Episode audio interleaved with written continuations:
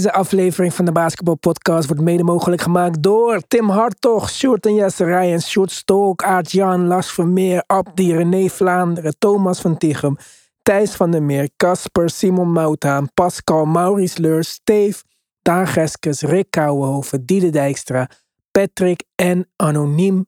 Speciale shout-out naar de GOATs. Robert Heiltjes, Yannick Tjongajong, Westie Lenting, Robert Lute, Jan van Binsbergen, Tarun en Yannick, Samet Kasic en Myron. Je vindt ons op Apple Podcast, je vindt ons op Spotify, maar ook op TikTok, de Basketball Podcast. Ook op Instagram, de Basketball Podcast. Op Twitter zijn we at de Basketball. Maar de echte diehard NBA fans volgen ons natuurlijk op Petje Af en daar steun je ons ook enorm mee. Dus ga snel naar petjeaf.com slash de basketbalpodcast. Join the DBP family, support the movement.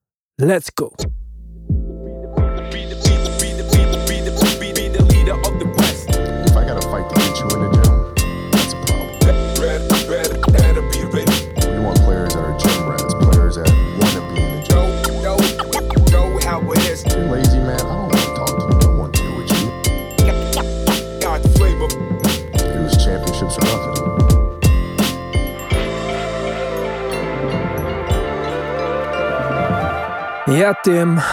Are you ready to rumble? nou, dat lijkt een beetje hoe de hele NBA eh, deze dagen denkt. Hey, tering. Ja. Soms hebben we speleropstootjes waar niemand gaat slaan. Op Killian Hayes dan na. Want die, eh, maar ja, die sloeg op zijn achterhoofd. Dat is ook weer een bitch move. Ja. Afgelopen week eh, hadden we een fan-incident. En niet zomaar een fan. Eh, Shannon Sharp. Een van de bekendere NBA. ja. Ja, het is geen verslaggever, maar persoonlijkheden kunnen we wel noemen. Hij is natuurlijk van origine een NFL-speler. Maar praat eh, voornamelijk over LeBron en de Lakers de afgelopen jaren. Ja. En eh, die eh, dacht, ik ga me eens eventjes bemoeien met deze wedstrijd. De Lakers speelden tegen de Grizzlies. En hij zei volgens mij tegen Dylan Brooks dat hij te klein was om LeBron te verdedigen. Dylan Brooks zei, fuck you. Hij zei, fuck you terug. Toen kwam Dylan Brooks op Shannon Sharp af. En toen begonnen eigenlijk alle problemen. Grizzlies-spelers raakten erbij betrokken. Ja Morant, eh, Steven Adams op de achtergrond. En toen kwam de vader van Ja Morant erbij, Tim Morant. Oftewel Asher 2.0.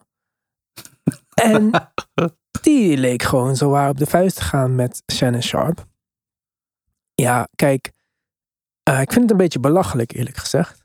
Ik heb heel veel punten over dit. Maar in hoofdzaak vind ik dat LeBron en Westbrook hebben zo vaak fans eruit laten sturen in het afgelopen jaar. Of het nou in Utah was of in LA zelf. Iedereen die wat tegen hen zegt, moet weg. En Shannon Sharp moet gewoon terugkeren. Ja. Dus gaan we er nou toch niet de president van maken dat, zeg maar, bekende mensen zich wel mogen bemoeien met de wedstrijd. Ik vond Spike, eh, Spike Lee altijd al hinderlijk als hij eh, op ging staan en ging arguen met de referees. Maar eh, ik vind het geen goede zaak. Ik vind dat eh, als je een team lastig valt, of je nou bekend bent of niet, gewoon lekker niet meer terugkomen, man. Nee, helemaal met je eens. En wat mij betreft eh, vind ik het ook een beetje raar als je dat gaat lopen verdedigen. Terwijl je de eerste bent die aan de zijlijn staat te wijzen naar een fan. Die misschien eh, lelijke dingen tegen je zegt als je er in een ander stadion speelt. Trek één lijn. En de één lijn is wat mij betreft duidelijk. Als je een grens overgaat, dan hoor je gewoon niet meer terug te keren. Dan word je eruit gezet. Dat is heel simpel. Volgens mij is het op de meeste plekken ook zo. En dan moet het niet uitmaken eh, wie je bent. En eh, dat lijkt me in dit geval ja, hetzelfde. Ja, vind ik ook. Je had het eh, over verdedigen. Ik neem aan dat je LeBron bedoelt, die dus daarna zei van, ik ben Matt Sharp, 365 dagen Ja. per jaar en 366 in een leap year. Nou, Sharp helemaal weer eh, geëmotioneerd toen hij dat hoorde van LeBron. Het is Ja. echt een soort van bromance. Ik weet niet wat de fuck er aan de hand is. Maar het leukste aan dit alles vond ik eigenlijk, en dat, eh, daar wil ik het ook mee afsluiten. Op een gegeven moment komt Steven Adams. We hebben natuurlijk al eerder gezien dit seizoen dat Steven Adams mensen oppakt en ze gewoon wegzet alsof ze er niet staan. Ja. Maar Shannon Sharp is niet zomaar een mens. Het is een Hall of Fame tight end, volgens mij, als ik me niet vergis. Eh, volgens mij ook, ja. Dus ik heb het even opgezocht. 1,88 meter, 103 kilo in zijn prime. Maar ja, die is voorbij natuurlijk, want hij is 54. Nou, ik denk dat er wel een beetje TRT en eh, hormone replacement therapy aan te pas komt daar. Maar alsnog denk ik niet dat je het tegen 2 meter 11, 113 kilo Maori of wat de fuck die ook is, Steven Adams wilt opnemen. Nee, ik denk dat van alle mensen die er altijd omheen staan, en dat zijn er in de NBA vaak heel veel, is Steven Adams er een in de categorie. Daar zou ik dan even niks mee doen. Dus ehm, ja, hij stond op een gegeven moment ook vooraan. Steven Adams was een van de eerste die echt, eh, echt aanstal te maken om, eh, om, om echt verhaal te gaan halen. Nou, er stond natuurlijk al gauw iemand tussen. En we weten allemaal, NBA-spelers hebben veel te veel belang op het spel staan om echt wat Ja, te doen. Dus er gebeurt niks. Steven Adams zou ik, als ik eh, Shannon Sharp was, ook eh, ja, even een stapje terug doen, even een beetje laten. Ja. Ja, maar daarom moet je dus ook niet beginnen als je het niet durft af te maken. Wat zou je vinden van zo'n ijshockeyregel dat we gewoon, oké, wil je vechten? Nou, ga maar dan. ja, dan wordt het Wild Westen. Ik weet niet. Want Dat vind ik bij dat ijshockey ook, man. ja, maar gaan die mensen nog echt boos doen? Kijk, want zitten ook Je weet nu dat het. Ja, maar je weet, ja, ijshockey ook. Maar je weet nu dat het nergens op uit kan draaien. Daarom kan je stoer doen. Ja. Zolang er geen gevochten zijn, kan je stoer doen. Ja. Maar als je weet dat zo gauw je stoer doet, you have to back it up, zeg maar. Aha. Ik weet niet of iedereen nog zo stoer doet. Oh nee, nee, nee. Dan wordt zeker het kaf van het koren gescheiden. En ik denk dat dat eh, een heel groot deel dan wegvalt. Ja, dat, eh, dat, dat weet ik zeker. Ja, want ze moeten altijd teruggehouden worden. Zoals ze elk moment kunnen aanvallen als eh, anaconda zo. Maar eh, Ja, het is onderdeel van het spel. ja, dat kan je met eh vlosdraad tegenhouden. En dan gaan ze nog steeds niet bewegen. En Steven Adams die wordt echt niet tegengehouden als hij echt wil hoor. Ja, Dat, precies. Dat is het ook. Maar ik vond het gewoon belachelijk. Ik vond het belachelijk dat iemand wel gewoon een soort van voorkeursbehandeling krijgt. Terwijl, zoals ik al zei, we hebben in het afgelopen jaar heel veel incidenten gezien. Vooral met Westbrook en LeBron. Dus die fans laten verwijderen omdat ze wat dan ook zeiden. En het was niet alleen maar eh, racist dingen. Het waren ook gewoon you suck dingen en zo. ja, zeker. Dus dan een fuck you tegen een speler. Wegwezen. Geef hem maar een stadionverbod. Hij is niet zo moeilijk te herkennen. Heb je niet eens die gezichtsherkenning eh, software voor nodig die Dolan gebruikt. Dus Laten we daar niet over beginnen inderdaad. Ja. ja, maar oh, dat kan ik even snel benoemen. Ik vind het helemaal terecht, Tim. Nou, Dus- echt? Ja, hele wat. Conflict omdat James Dolan mensen verband uit de Madison Square Garden. Ja. En daar gezichtsherkenningssoftware voor gebruikt. Ten eerste, niemand mag een janken over privacy die TikTok op zijn telefoon hebt. Want je signt gelijk al je privacy voor de rest van je leven weg. Aan China ook nog. Ja. En zoals we hebben geleerd in de groupchat, China schijnt niet het beste land te zijn of zo. Maar, dit is gewoon zijn bedrijf hè. En al die ex-spelers die janken. Luister, als ik jou 5 miljoen heb betaald en je speelt niet meer voor mij, je werkt niet meer voor mij. En je komt dronken terug en je gaat mij uitschelden, Charles Oakley. Hoef je ook niet meer terug te komen. Nee, oh, maar dat snap ik. Ik vind Charles Oakley ook hier ook niet het probleem. Maar hij heeft dit naar iets meer dan alleen een paar voormalige spelers en gevalletjes die wij kennen, heeft hij die mail rondgestuurd. Dat, ze, dat ze nu worden gemonitord en eh, met camerabeelden worden vastgelegd als ze proberen, binnen het proberen te willen Ja, komen. ze worden niet gemonitord in hun dagelijks leven zo. Dat zou ik te ver gaan. rondom, die, eh, rondom MSG. Maar dit zijn, dit zijn ook willekeurige andere mensen. Die zich bijvoorbeeld negatief hebben uitgelaten online. eh, advocaten van eh, de spelers, dan wel instanties waar die mee te maken heeft gehad de afgelopen tijd. Dit gaat iets verder dan alleen die spelers. Hè? Ja, maar ja. Ik vind het Als je, vrij, doet het vrij tegen, als, heftig. je, als je stoer doet tegen mij, mag je ook niet meer in mijn huis komen. Nee, maar Dit is zijn zet, huis. zet je dan camera's neer? Nee, is niet nodig, want mijn huis is heel klein. Maar stel je voor dat ik een heel groot huis had. Ja, dan zou het misschien noodzakelijk zijn. Als ik alleen een rechtszaak, als ik advocaat ben van beroep en ik, ik ben in een rechtszaak, kom ik tegen je te staan. Ah ja, af en toe, eh, ja, dan, dan, die scheidslijn is misschien wat vaag. En er vallen een paar goede mensen ook daaronder dan. Dat is vervelend. Maar ik denk dat 80% eh zou ik het gewoon mee eens zijn. Maar goed, dat zijn er niks. Laten we niet te lang eh, de Nee. mensen met dat gekke huis eh, lastigvallen. Je had stellingen voor mij bedacht en je hebt ze niet verteld. En ik ben super nieuwsgierig, dus ik kan eigenlijk niet meer wachten. Oké, ik begin met de eerste. Ik val meteen met de deur in huis. Eh, de- Ja. Je moet je even voorstellen dat ik jou ben nu. Dus ik ga dit zeggen vanuit de ik-vorm, maar dat ben jij. Oh, shit. Ja. Ja, ja, ja. En dan eh, ben ik heel benieuwd wat jij hiervan vindt. Ik neem alleen de Nuggets en de Grizzlies serieus als finals contenders uit het Westen. Nee. Wie nog meer? De Warriors. Dat zijn de enige nog? Hmm. Clippers ben ik een beetje koud op. Vergeet ik iemand? Allebei op 500 momenteel. Ja, maar Warriors, daar komen we misschien zo nog op. Heb ik wel wat meer vertrouwen. Ja, ik weet. Ik kan Clippers ook niet uitsluiten. Maar wat was precies de stelling? Want ik moet even de goede woorden horen. Ik neem alleen de Nuggets en de Grizzlies serieus als finals contenders vanuit het Westen. Western Conference Finals of NBA Finals? NBA finals. Dus ik, alleen als, Nee, ik neem ik ze neem- alleen serieus als teams die uit het Westen kunnen komen. Nee, ik neem alleen de Nuggets en de Warriors serieus. Oh, Als finals contenders. oké. Niet als Western Conference Finals, maar als finals. Dan heb ik een follow-up. Als de Warriors in de trade deadline geen move meer maken. Neem, ze, neem jij ze nog steeds serieus? Ja. Oké, dus dit Warriors team zoals currently constructed kan gewoon uit het westen komen? Ja. Oké. Ik Ik neem aan dat je het met me eens bent dat je het liefst wel ziet dat ze iets gaan doen, toch? Of, Zeker. Ik, eh, ik, maar, ik zou al die jonge guys treden. Dat heb ik al vaker gezegd. Ja. Omdat ik zoiets heb van win now, win now. En we Ja. zien het wel weer in de toekomst. Alleen volgens mij hebben ze net deze week gezegd dat er... Of misschien is er gelekt of gezegd of gerapporteerd. Whatever. Dat Moody en Kaminga en Wiseman waarschijnlijk niet gemoved gaan worden. Nee. Nou ja, zonder die te moven gaat er niks gebeuren. nee, want kunnen, Of ze, er moet- ze niks. Ja. Ja, of er moet opeens een zieke trade komen wat ik helemaal niet had zien aankomen. Maar ik, ik zou niet eh, op dit moment overwegen om een van de ja, eh, Green, Thompson of Clay eh, of Curry te move. Maar dit team is dus 6 en 18 on the road. Ja, don't care. Je kent de problematiek. Ja, ik heb ze net tegen de Celtics gezien. Dat was het enige wat we hoefden te zien. Dit hele team neemt dit hele regular season niet serieus. Niemand trouwens, maar zij al helemaal niet. Oké, zolang ze in de top 6 staan, vinden ze het wel gesneden. Ik weet niet eens of zij home court advance echt nodig hebben in de playoffs. Ik snap dat het nu een vertekend beeld is. Ik, dit, ik kan dit team niet ehm, serieus nemen totdat de playoffs beginnen. Plus, volgens mij hebben zij hetzelfde record nu. Zei laatst iemand tegen mij. Als dat de Celtics vorig jaar hadden rond deze tijd. Ja, soort of, ja, rondom 500. Ja. Dus A, dit hele regular season betekent niks. En B, het begin al helemaal niet. Komende, oh, dat was mijn telefoon, sorry. Komende maanden gaan we het... eh, Ja, ja, het tweede seizoen zelf, dat is bekend natuurlijk. Dan ga je, ga je Ja. wel een ander deel van het seizoen in. Met eh, andere intensiteit en andere belangen ook. ja, denk Ja. ik ook. Oké, de tweede. De Atlanta Hawks hebben het meest talentvolle, maar daarom mee ook het meest underperforming roster in de NBA. Nee, Wie zouden dat zijn? Wie vind jij het meest onderpresterend team in de NBA nu? Clippers. Ook afgaande op talent. Ja, van tevoren zeiden wij dat zij het breedste team in eh, de hele NBA waren. Ja, ja. En dat is ook zo op papier. Als je kijkt naar al die dingen die de Warriors niet hebben, die wij willen dat de Warriors gaan doen, deze trade deadline, toch? Ervaring, veterans, la la la. Mhm.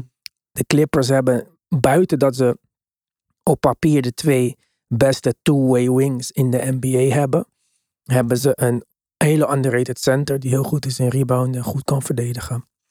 Ze hebben veterans als Batum. Ze hebben twee ex eh, van all-star. De ene niet, de andere wel. Point guards in Wall en Reggie Jackson.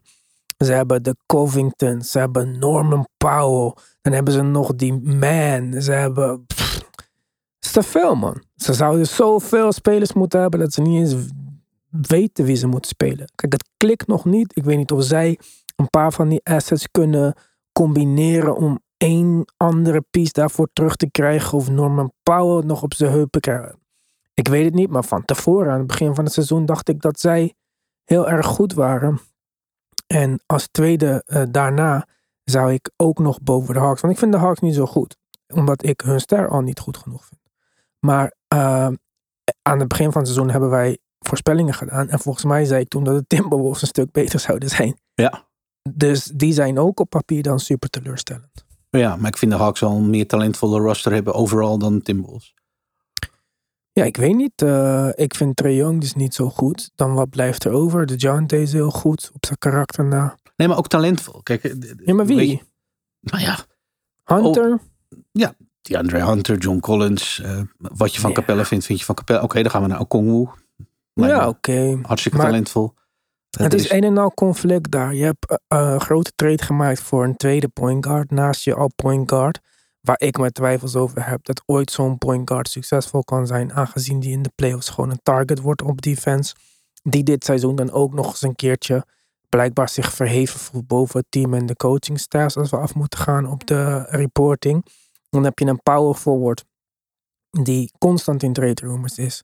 Daardoor niet zijn draai kan vinden. De center uh, waar we het als eerste over hadden, Capella is of geblesseerd of speelt half-half. Je had Bogdanovic die je dacht, wauw, nou die had echt beter naar de Bucks kunnen gaan toen. Ik weet niet, niks klikt in dit hele team. Hunter was een van mijn favoriete rookies uit die draft. Is dat het nou echt, echt geworden? Maar goed, om daar, om daar dan eh, tegen in te brengen. Je noemde net de Clippers meteen, vol overtuiging. Ehm, daarvan is zelfs toen het seizoen gaande was wel gezegd. Ja, maar Kawhi. Ja, maar Ja, Kawhi. ja, ja. Kawhi is terug, Kawhi is goed. Ja, maar Kawhi, eh, Kawhi in de playoffs, eh, wie zei het? Eh, volgens mij Joel Embiid. Uh, is gonna turn into Jordan. Dat geloof ik wel. Maar Is daarmee, zijn daarmee de Clippers ook gered? Want momenteel speelt Kawhi volgens mij vrij aardig basketbal. Ja, daarom de hele Clippers, Maar het, hele Clippers niet de rooster voor de rest. Ja, maar daarom is het Clippers rooster voor de rest teleurstellend. Ja.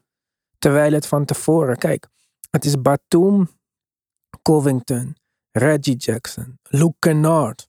Vorig jaar beste three-point shooter in Ja. de NBA. Terrence Mann, Marcus Morris, Norman Powell, John Wall. En dat zijn nog bovenop hun starters. Het zou echt een... Ja, zou het meest complete team in de NBA moeten zijn. Mhm. En dat zijn ze niet.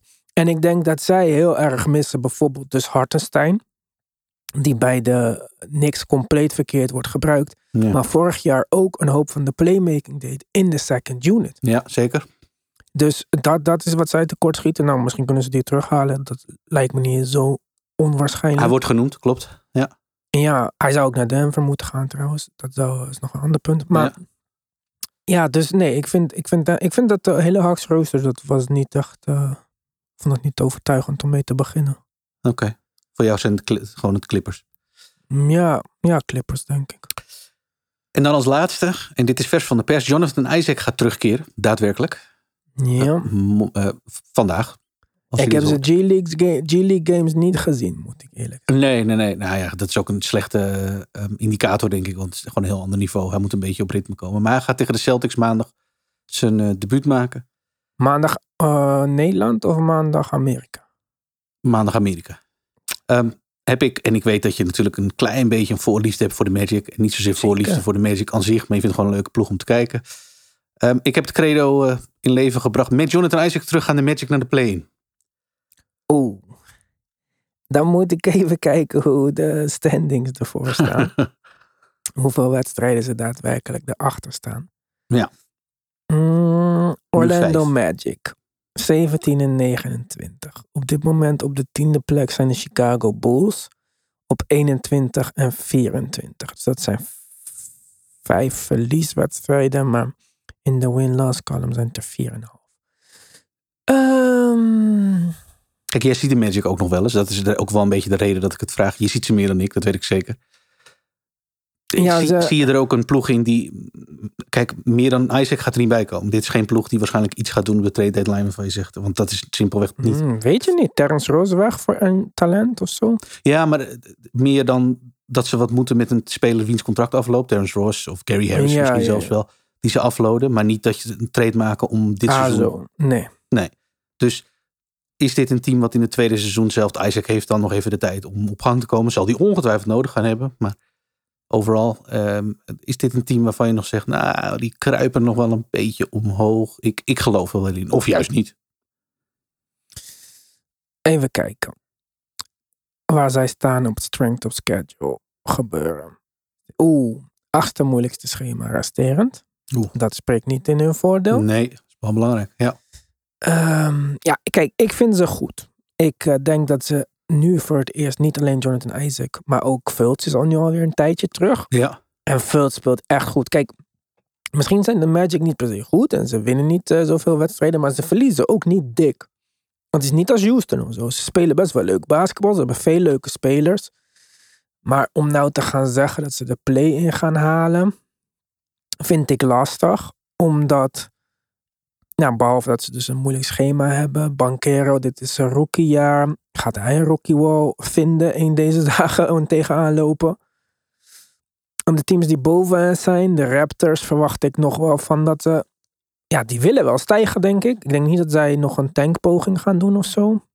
Wizards heb ik weinig vertrouwen in. Maar dan moet. Ja, dan moet Raptors ook niet echt, toch? Ja, maar Raptors kunnen wel, wat mij betreft hoor. Als Raptors gek doen en ze treden opeens voor Miles Turner of zo. Oh, zo. Van, oh ja, oké. Ja, Ja, dat scenario Raptors- wordt een ander verhaal. Tuurlijk, ja. Ja, kijk, niks. Wij hebben dit op de chat, eh, of de chat op tele via telefoon besproken. De Knicks staan nu zevende, 15, 22. Die zijn over één maand uit de playoffs. Play-in, playoffs, alles. Luister deze rij met wedstrijden. Toronto, Cleveland, Boston, Brooklyn, Lakers, Miami, eh, Clippers, Philadelphia, Orlando, Philadelphia, Utah, Brooklyn, Atlanta. Ja, dat is echt heel heftig. Game over. Zij hebben net hun slechtste punt van het seizoen bereikt. Mitchell Robinson is out, wat hun hele defense op zijn kop heeft gezet. Want dat was ongeveer het enige wat ze in leven hield. Dat Mhm. hij wel dr- drop defense kan spelen. En Sims en Hartenstein simpelweg niet. Tip snapt er niks van. Weet niet wat hij aanvallend moet doen. En eh, blijft gewoon doorgaan alsof er niks aan de hand is. Dus de Knicks zijn eruit. Dus die zouden ze zelfs kunnen inhalen, denk ik. Maar dan Wauw. moeten dus nog twee plekken mislukken. Kijk, zie de Hawks, die zijn best wel goed bezig de laatste tijd. Ja, gaat weer goed. Op Ja. Mars. Ja. Dus dan moeten de Knicks eruit. Pacers kunnen eruit, afhankelijk van hoe lang Halliburton nog afwezig blijft. Maar zonder Halliburton is het dramatisch. Ja. Bulls zie ik toch niet die tiende plek verliezen. En dan gaan de Raptors denk ik nog... Nee, ik denk gewoon dat het niet mogelijk is. Oké. Ja, nee. Ja, dat is in ieder geval een gedegen antwoord. Helaas voor niet. Jonathan Isaac. Maar wel mooi dat hij weer, eh, dat hij weer terug is. Dit zijn van die verhalen die, eh, die zien we natuurlijk af en toe. We hebben met Clay vorig seizoen eh, ook zo'n momentje gehad. Dit zijn de, de jongens die echt, echt, echt lange wegen hebben afgelegd om terug te komen. Dus ik ben heel benieuwd wat hij nog kan brengen dit seizoen. Want ik denk niet dat we hem meteen moeten gaan beoordelen. Maar eh, ik hoop dat hij weer een beetje zichzelf kan worden. Dat zou... eh, vergeet Ik echt hoe goed hij was voordat hij geblesseerd raakte. Zeker, hij was in de buurt van een All-Star level. Ja, zonder, zonder twijfel. Hij was veruit het meest veelbelovende speler van de media. Iedereen keek naar hem. Iedereen was op de hoogte van, ah, dit, is, dit, dit kan Ja. echt een goede speler worden. Ja. En in tegenstelling tot Clay is hij nog maar 25. Maar ja, Dus ook al was hij heel lang oud. Ja, kijk, en ook dit hele Magic rooster, hè, jongens. Kijk, ik denk dat zij twee spelers hebben boven de 25. Ze hebben Terrence Ross is Rose en Gary Harris. en Gary Harris. En Ja. Gary Harris is 28 volgens mij. Ja, En de rest hebben ze, ze hebben misschien, even kijken, 1, 2, 3 spelers nog, vier spelers van 25. En de rest is nog jonger dan dat. ja. Ja, ik denk dat dit, dit is echt een leuk team. Het is een leuk team voor de toekomst. Veel spelers op dit roster zijn super getalenteerd. Van Markel Fultz tot Jalen Suggs. eh, nou, Jonathan Isaac die terugkomt. Bol Bol, wat echt hartstikke leuk is geweest dit jaar om te kijken. Mhm. En Frans Wagner en Mo Wagner die trouwens, die nu ook heel erg goed speelt. Ik weet niet, komt, omdat het komt dat hij met zijn broer samen speelt of Ja. wat dan ook. Nou ja, eh, Wendell Carter heeft zoveel eh, complimenten van mij gehad. eh, dat hij ondertussen niet meer geïnteresseerd in mij is als het een meisje was. maar, nee, kijk, dit is echt. ehm, voor mij is dit een van de leukere teams om te kijken. Ik, ik zei net, regular season stelt weinig meer voor, vind ik. Ja. Maar dit soort teams, waarvan je niet weet wat er gaat komen, waarvan alles mogelijk is, sky is the limit. Dat is nou juist wat ik leuk vind om te kijken in de regular season. Ik ben super teleurgesteld de afgelopen week over iedereen die geblesseerd is of afwezig met load management. Als je die lijst bekijkt van de afgelopen week, ja. dan heb je een Jokic, Tatum, Steph, Clay, Green, LaMelo, Giannis, Mitchell, Luca, Kawhi, PG, KD, Zion, Booker, Halliburton. Jeetje mina. En dan hebben we het nog niet eens over de Robinsons gehad en zo. Weet je wel, die belangrijk zijn, maar geen ster. Er zijn gewoon 15 All-Stars deze week die niet hebben gespeeld. Ja. Het is gewoon extreem veel. Dus dit is niet waar ik mijn plezier uit haal. Elke ochtend word ik teleurgesteld dat ik een game aan denk. Oh, dit is die match. Jokic speelt niet. Ja, whatever. Hoef ik de Nuggets ook niet per se te zien. Hoezo, kan jij niet genieten van, van stretches waarin teams proberen zo goed mogelijk... De Grizzlies vorig jaar zonder Ja Morant. Was toch ook Ja, leuk? maar toen waren ze beter dan Ja, maar dat was toch leuk om te zien? Ja, maar wel. Maar dat wa- toen waren ze ook beter. En toen was het ook een soort van voorspelbaar. Nu zet ik soms een wedstrijd aan en dan load management er iemand, zeg maar. Kijk, we hadden van de week die game van ehm, de Warriors tegen de Cavs. Ja. Kijk, behalve... Kijk, ik, ik woon niet in Cleveland, gelukkig. Maar stel je voor dat jij in Cleveland woonde. Er was maar één wedstrijd die zij in Cleveland Ja, spelen dit Ja. jaar. Hè? Stel je voor dat jij bent vader. Jouw kind is jarig. Hij is fan van Steph Curry. En jij denkt, ja, voor je verjaardag hè, krijg je die kaartjes. Gaan Ja. we naar de Warriors toe. En dan zit je daar. Ja, ik vind het gewoon belachelijk. Kijk, ik beleef dit hier op mijn bank in de ochtend. En dan zet ik een andere wedstrijd aan en fuck it, weet je wel. Maar dit hele idee van load management, ja, ik, ik, ik vind dat het gewoon een beetje uit de hand loopt. En dan zag je de Warriors tegen de Celtics. Dat was gewoon de enige wedstrijd die, die hem boeide. Mhm. Dit was de enige wedstrijd dit jaar, 2023, waar ik de Warriors heb gezien. Deze hadden ze gecirkeld op hun kalender. Deze wouden ze spelen. Het regular season voor teams als de Warriors en eh, misschien zelfs de Celtics. Voor de, voor de topteams is gewoon sparren. Incalculeren, waar gaan we rusten, welke kunnen we verliezen, wat is strategisch. Liever een win geven aan Cleveland Mhm. dan een win aan een Western Conference team. En dan wonnen ze die wedstrijd ook nog. Ja, maar je snapt wat ik bedoel, Ja, ja, ja, toch? zeker, het, is gewoon, het is gewoon sparren. Het is gewoon klaarmaken voor dat wat er echt toe doet. En voor de Warriors doet het er niet meer toe. Voor Miami Heat doet het er niet toe wat er in de regular season gebeurt. Deze teams kijken niet. Ja, we moeten er doorheen komen en Heat staan nu lager dan dat we ze misschien hadden verwacht. Maar het doet er allemaal niet toe. En dat vind ik jammer aan de regular season. Daarom kan ik daar niet zo van genieten. Kijk, als er echt iemand geblesseerd is, zoals toen Ja Morant, en het team staat op en ze spelen mooier, ja, prachtig.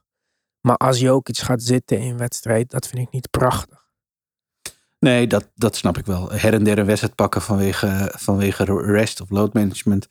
Ja, dat is gewoon slecht te verkopen. Dus, tenminste, ik snap wel waarom het gebeurt. Maar het is natuurlijk voor het product niet fantastisch. Ik denk als de spelers daadwerkelijk geblesseerd zijn, zoals weet ik veel, Jalen Brown laatst geblesseerd was bij de Celtics, dat je kan kijken, nou, hoe eh, doet Tatum het als Brown niet naast hem speelt? Hoe vangen de Celtics dit op? Ik vind dat op zich. Ik ga net zo Ja. goed Celtics kijken als dat ik het eh, met, die, met die twee J's wel ook zou doen. Dus Ja, maar ik vind het dan leuker om de Celtics te zien tegen de Warriors. Dat was de finale van vorig jaar. nou ja, En om te zien, en niet omdat ik hem niet gun, maar om te zien dat Tatum nog steeds niet super comfortabel lijkt tegen de Warriors. ja, het, het, Kijk, het zat zo ja. wat was, ja. Ja. Ja, dat, zijn, dat zijn de dingen waarvoor ik kijk, zeg maar. ja. Ik kijk, ik kijk mijn eigen teams omdat ik het leuk vind. Maar die top matchups, ik wil Warriors tegen Celtics zien. Ik wil kijken hoe het ervoor staat. We zijn op de helft van het seizoen. Oké, hoe ver zijn we? Hebben we ze ingehaald? Zijn we beter? Moeten ze bijschakelen? Wat hebben ze nog nodig? Vorig jaar zeiden we ze hebben extra playmaker nodig. Die hebben ze nu gehaald. Ja. Kijk, dat soort dingen. Ik wil kijken hoe pakt dat uit in de praktijk. En deze wedstrijd ging echt tot het eindje, tot het gaatje. En je- we kunnen niks zeggen. Dus hé, hey, dit, is weer, dit blijft een mooie matchup. Ja. Ik zie Tatum en dan denk ik, hmm, hoeveel turnovers had hij? Weet ik veel, kapot veel. Vijf of zo. Meer misschien. Zeven. Schiet, ja, hoe? Schiet slecht. Denk ik, hé, hey, dit is interessant. En dit is nog maar het regular season. Dit is niet de serie voor Tatum. En zo hou ik ervan om naar het regular season te kijken. Om alles wat ik kijk, neem ik mee en denk ik van wat gaat er gebeuren als het uiteindelijk straks echt om gaat. Maar dat is heel moeilijk als ik zit te wachten op Clippers Nuggets en Jokic speelt niet. Als ik zit te wachten op eh, Clippers Bucks en Kawhi speelt niet. Het is toch bijna iets wat je kan incalculeren voor de eerste helft van het seizoen. Tot aan de All-Star break weet je toch dat het, dat het We gaan het zien of het niet na de All-Star break ook zo is. Nee, dat is waar. Ik, ik ga ervan uit dat, het dan echt wel wat strakker getrokken wordt. En dat je dan top matchups op papier ook daadwerkelijk kan gaan zien. Niet nog helemaal aan het einde van het seizoen, want dan heb je weer andere belangen die spelen. Maar laten we zeggen, in, die, eh, in, in dat deel vanaf eh, nou, grofweg naar de All-Star break. Ehm, ik, ik, ik weet niet, ik heb altijd het idee gehad dat bij de eerste seizoen zelf dat je dit soort afwezigheid, load management. Nou was het van de Warriors laatst wel heftig hoor. Dat is wel echt wel, dat, dat ze gewoon de hele starting five, eh, of vier van de vijf, eh, rust gunnen. Dat eh, tegelijk, ja, dat is, dat is wel een pittig voorbeeld. Maar her en der sterren die gerust worden en het hele Clippers saga die we al het seizoen hebben. Ja, Ja. ik neem het op de koop toe op een gegeven moment. Ik ga naar andere dingen kijken. Ik keek naar de Thunder een paar keer. Dat vond ik fantastisch. Ja, maar ja, dus dan zijn jouw tanden mijn magic, zeg maar. Ja. Kijk, dus dat Ja. vind ik dan leuker. ja. Dan kijk ik liever naar dat in de eerste helft van het seizoen. ja, exact.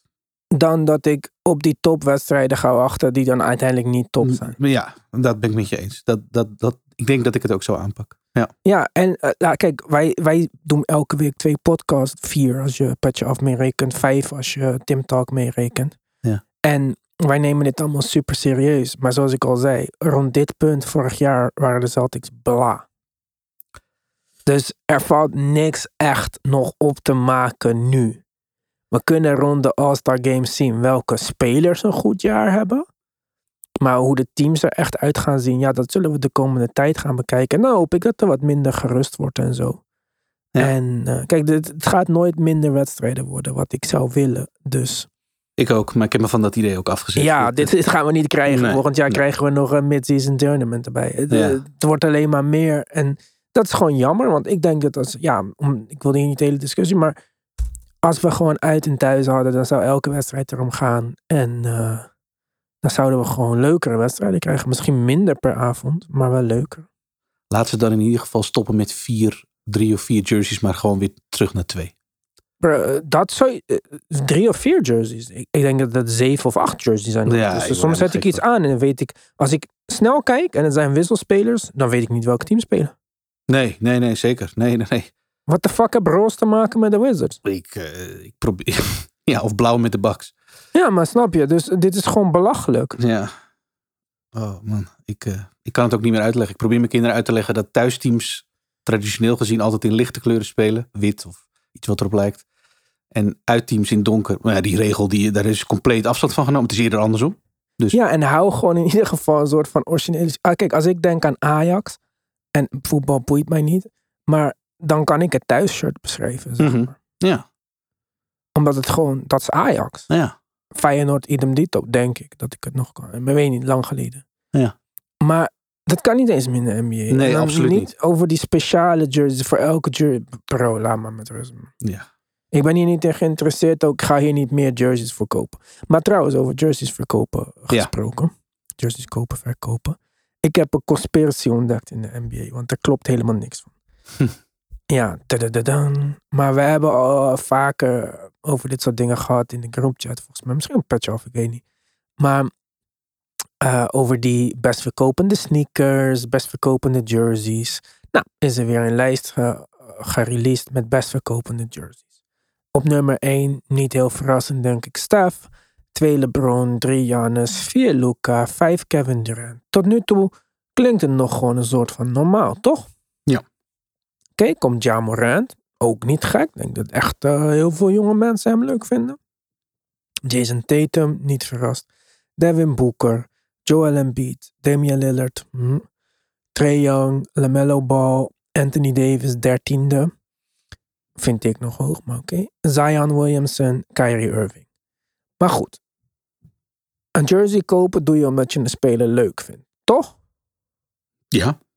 Dus dat zegt iets naar mijn mening over de populariteit van een speler. Ja.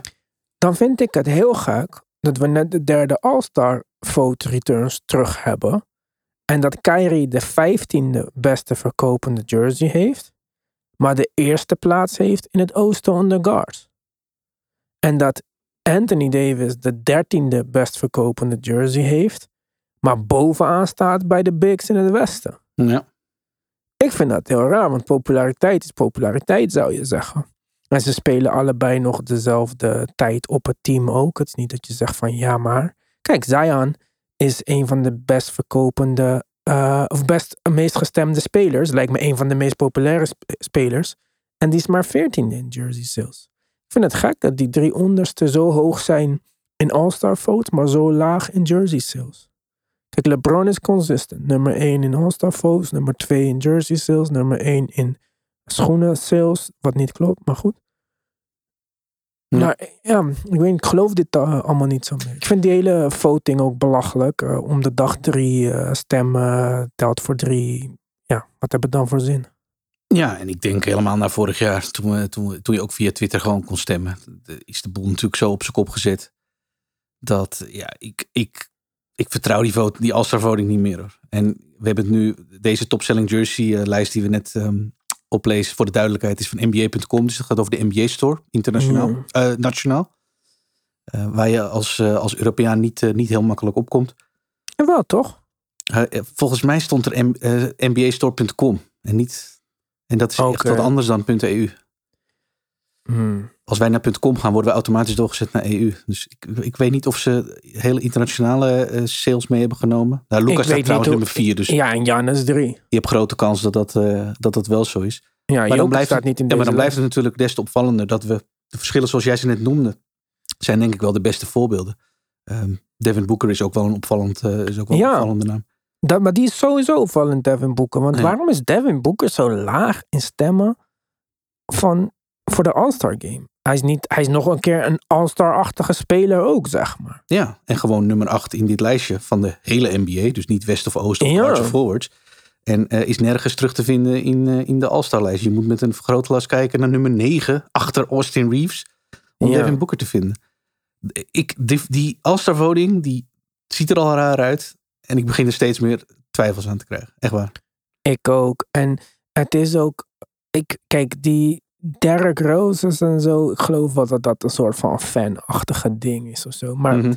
al die toppers bovenaan, allemaal 5 miljoen stemmen en zo. Ja, ik, ik geloof dit niet helemaal. Het is wat mij betreft eh, in, de, in de, eh, de moeite die de NBA neemt om het zo toegankelijk mogelijk te maken. Om die drempel om te stemmen zo laag mogelijk te maken. Is vol, ligt volgens mij ook het, schuilt het gevaar dat het ja, te makkelijk te manipuleren is. En, en als we, wij zien als NBA-volgers dat je namen ertussen ziet staan waarvan je denkt. Het is leuk dat ze ertussen staan. Kijk, Derrick Rose staat er wel tussen, maar wel op plek 9 met, weet je, nog een aantal stemmen waarvan je denkt, nou Ja. ja, oké, leuk, heeft ergens, eh, zal ergens wel eh, zijn, eh, zijn reden voor hebben. Maar inderdaad, zo'n Andrew Wiggins. En, en, en nou ja, we hebben het wel eens eerder besproken. Er staan er een aantal tussen met, met hoeveelheden die zo serieus zijn dat je denkt, ja, maar jongens, hier zit de hele, hele systeem achter, zou je bijna zeggen. Anders kom je niet eens op die aantallen.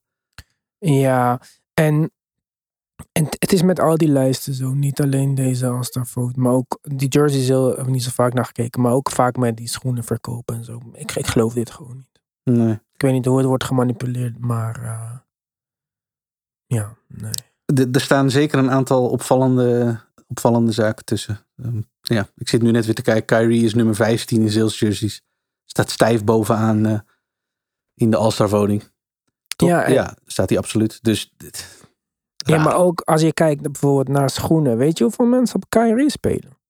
Ja. Ik wil, die deal is dan nu eh, niet meer, gaat niet meer door. Mhm. Maar er zijn vet veel mensen op Kyrie. Op Kyrie's. Kyrie staat onderaan de schoenen sale-lijst en LeBron staat bovenaan.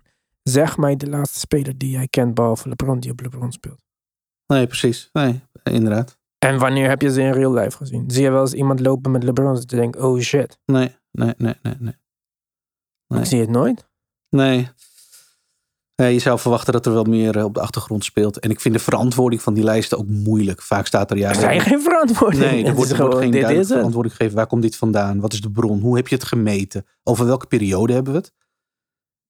Dat soort zaken. Ja. Waarbij je een beetje kan afleiden dat, ja, dat, dat, dat, die, dat die lijst echt met een, ja, nou ja, weet ik veel, met een, met een goed afgemeten methodiek is samengesteld. Waarvan je zegt, nou oké, hier kunnen we van uitgaan, ja of nee. Dit is Ja, maar- allemaal schimmig. Misschien is het net met die schoenen en jerseys zoals het vroeger was met eh, cd's. Weet je wel, je telt niet van hoeveel ik en jij er hebben gekocht. Maar hoeveel zijn er naar de winkels gegaan. Dus als Freak Shop bijvoorbeeld 50.000 cd's had besteld voor Ja. Michael Jackson. Tel dat als, vast, als 50.000 cd's. Ja. Misschien heeft LeBron wel een deal met Nike. Dat sowieso naar elke winkel 27 maatseries van zijn zoon gaan. Die daar gewoon liggen. Ja, en Ja. dan is zijn sales dus automatisch hoog. Ja. Het moet zoiets zijn, want het, eh, je kan het ook moeilijk bijhouden. Dan zou het al echt van één website moeten zijn of zo. Want hoe hebben Nike anders controle over, of degene die deze lijst meet, wat eh, weet ik veel, sport, eh, ook hem hier in Nederland verkoopt.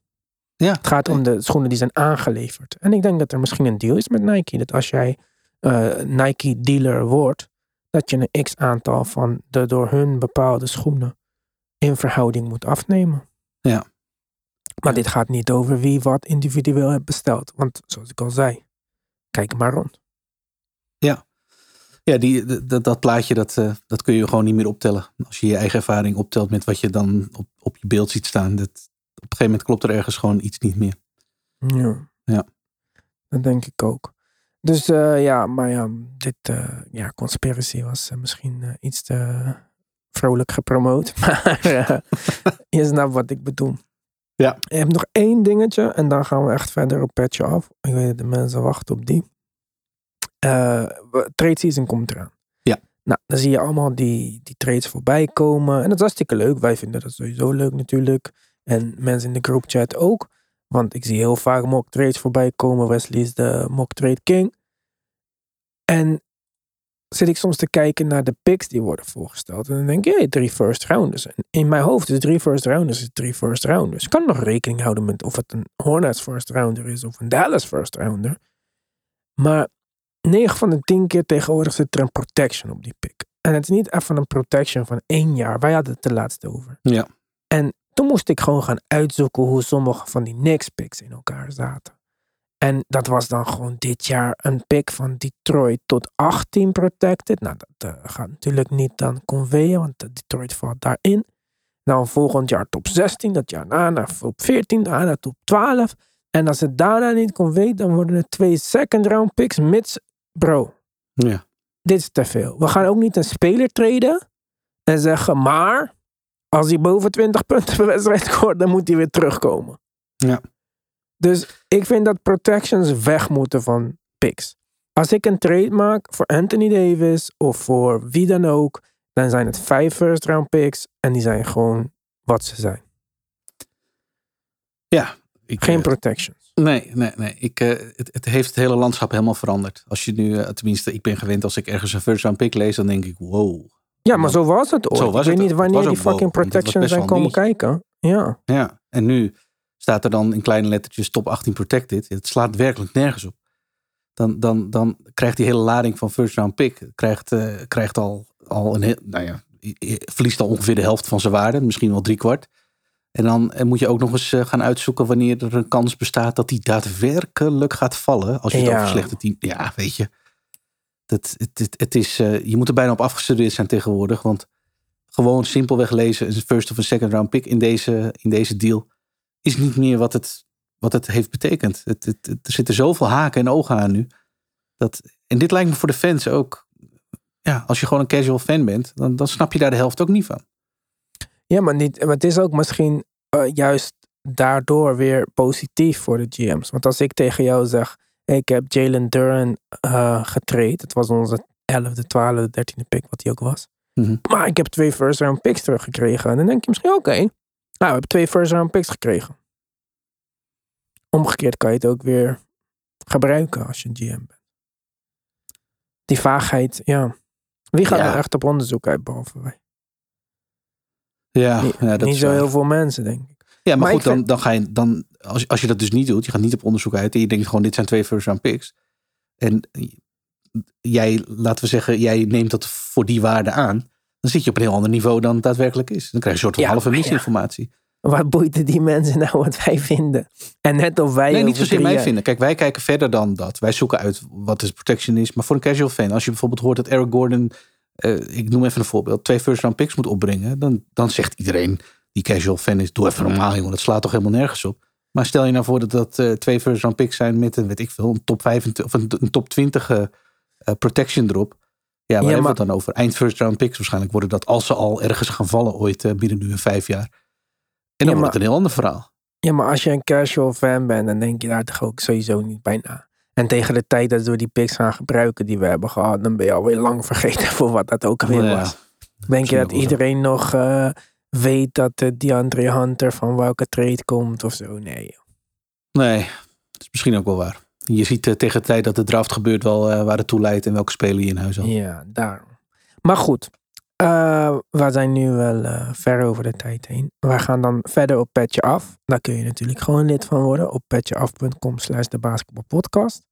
Ik geloof dat jij even wil kijken wie wij zouden hebben als wij nu awards moesten uitdelen. Ja, mid-season award time. Mid-season award time, oké. Nou, ik heb ook nog wat, want ik heb deze conspiracy theorie die ik net zei was misschien eh, niet echt super hot. Maar ik heb nog wel een pittig voor je. Oké dan. Dus ik ben benieuwd wat je daarvan vindt. Petjeaf.com slash de basketbalpodcast. En anders tot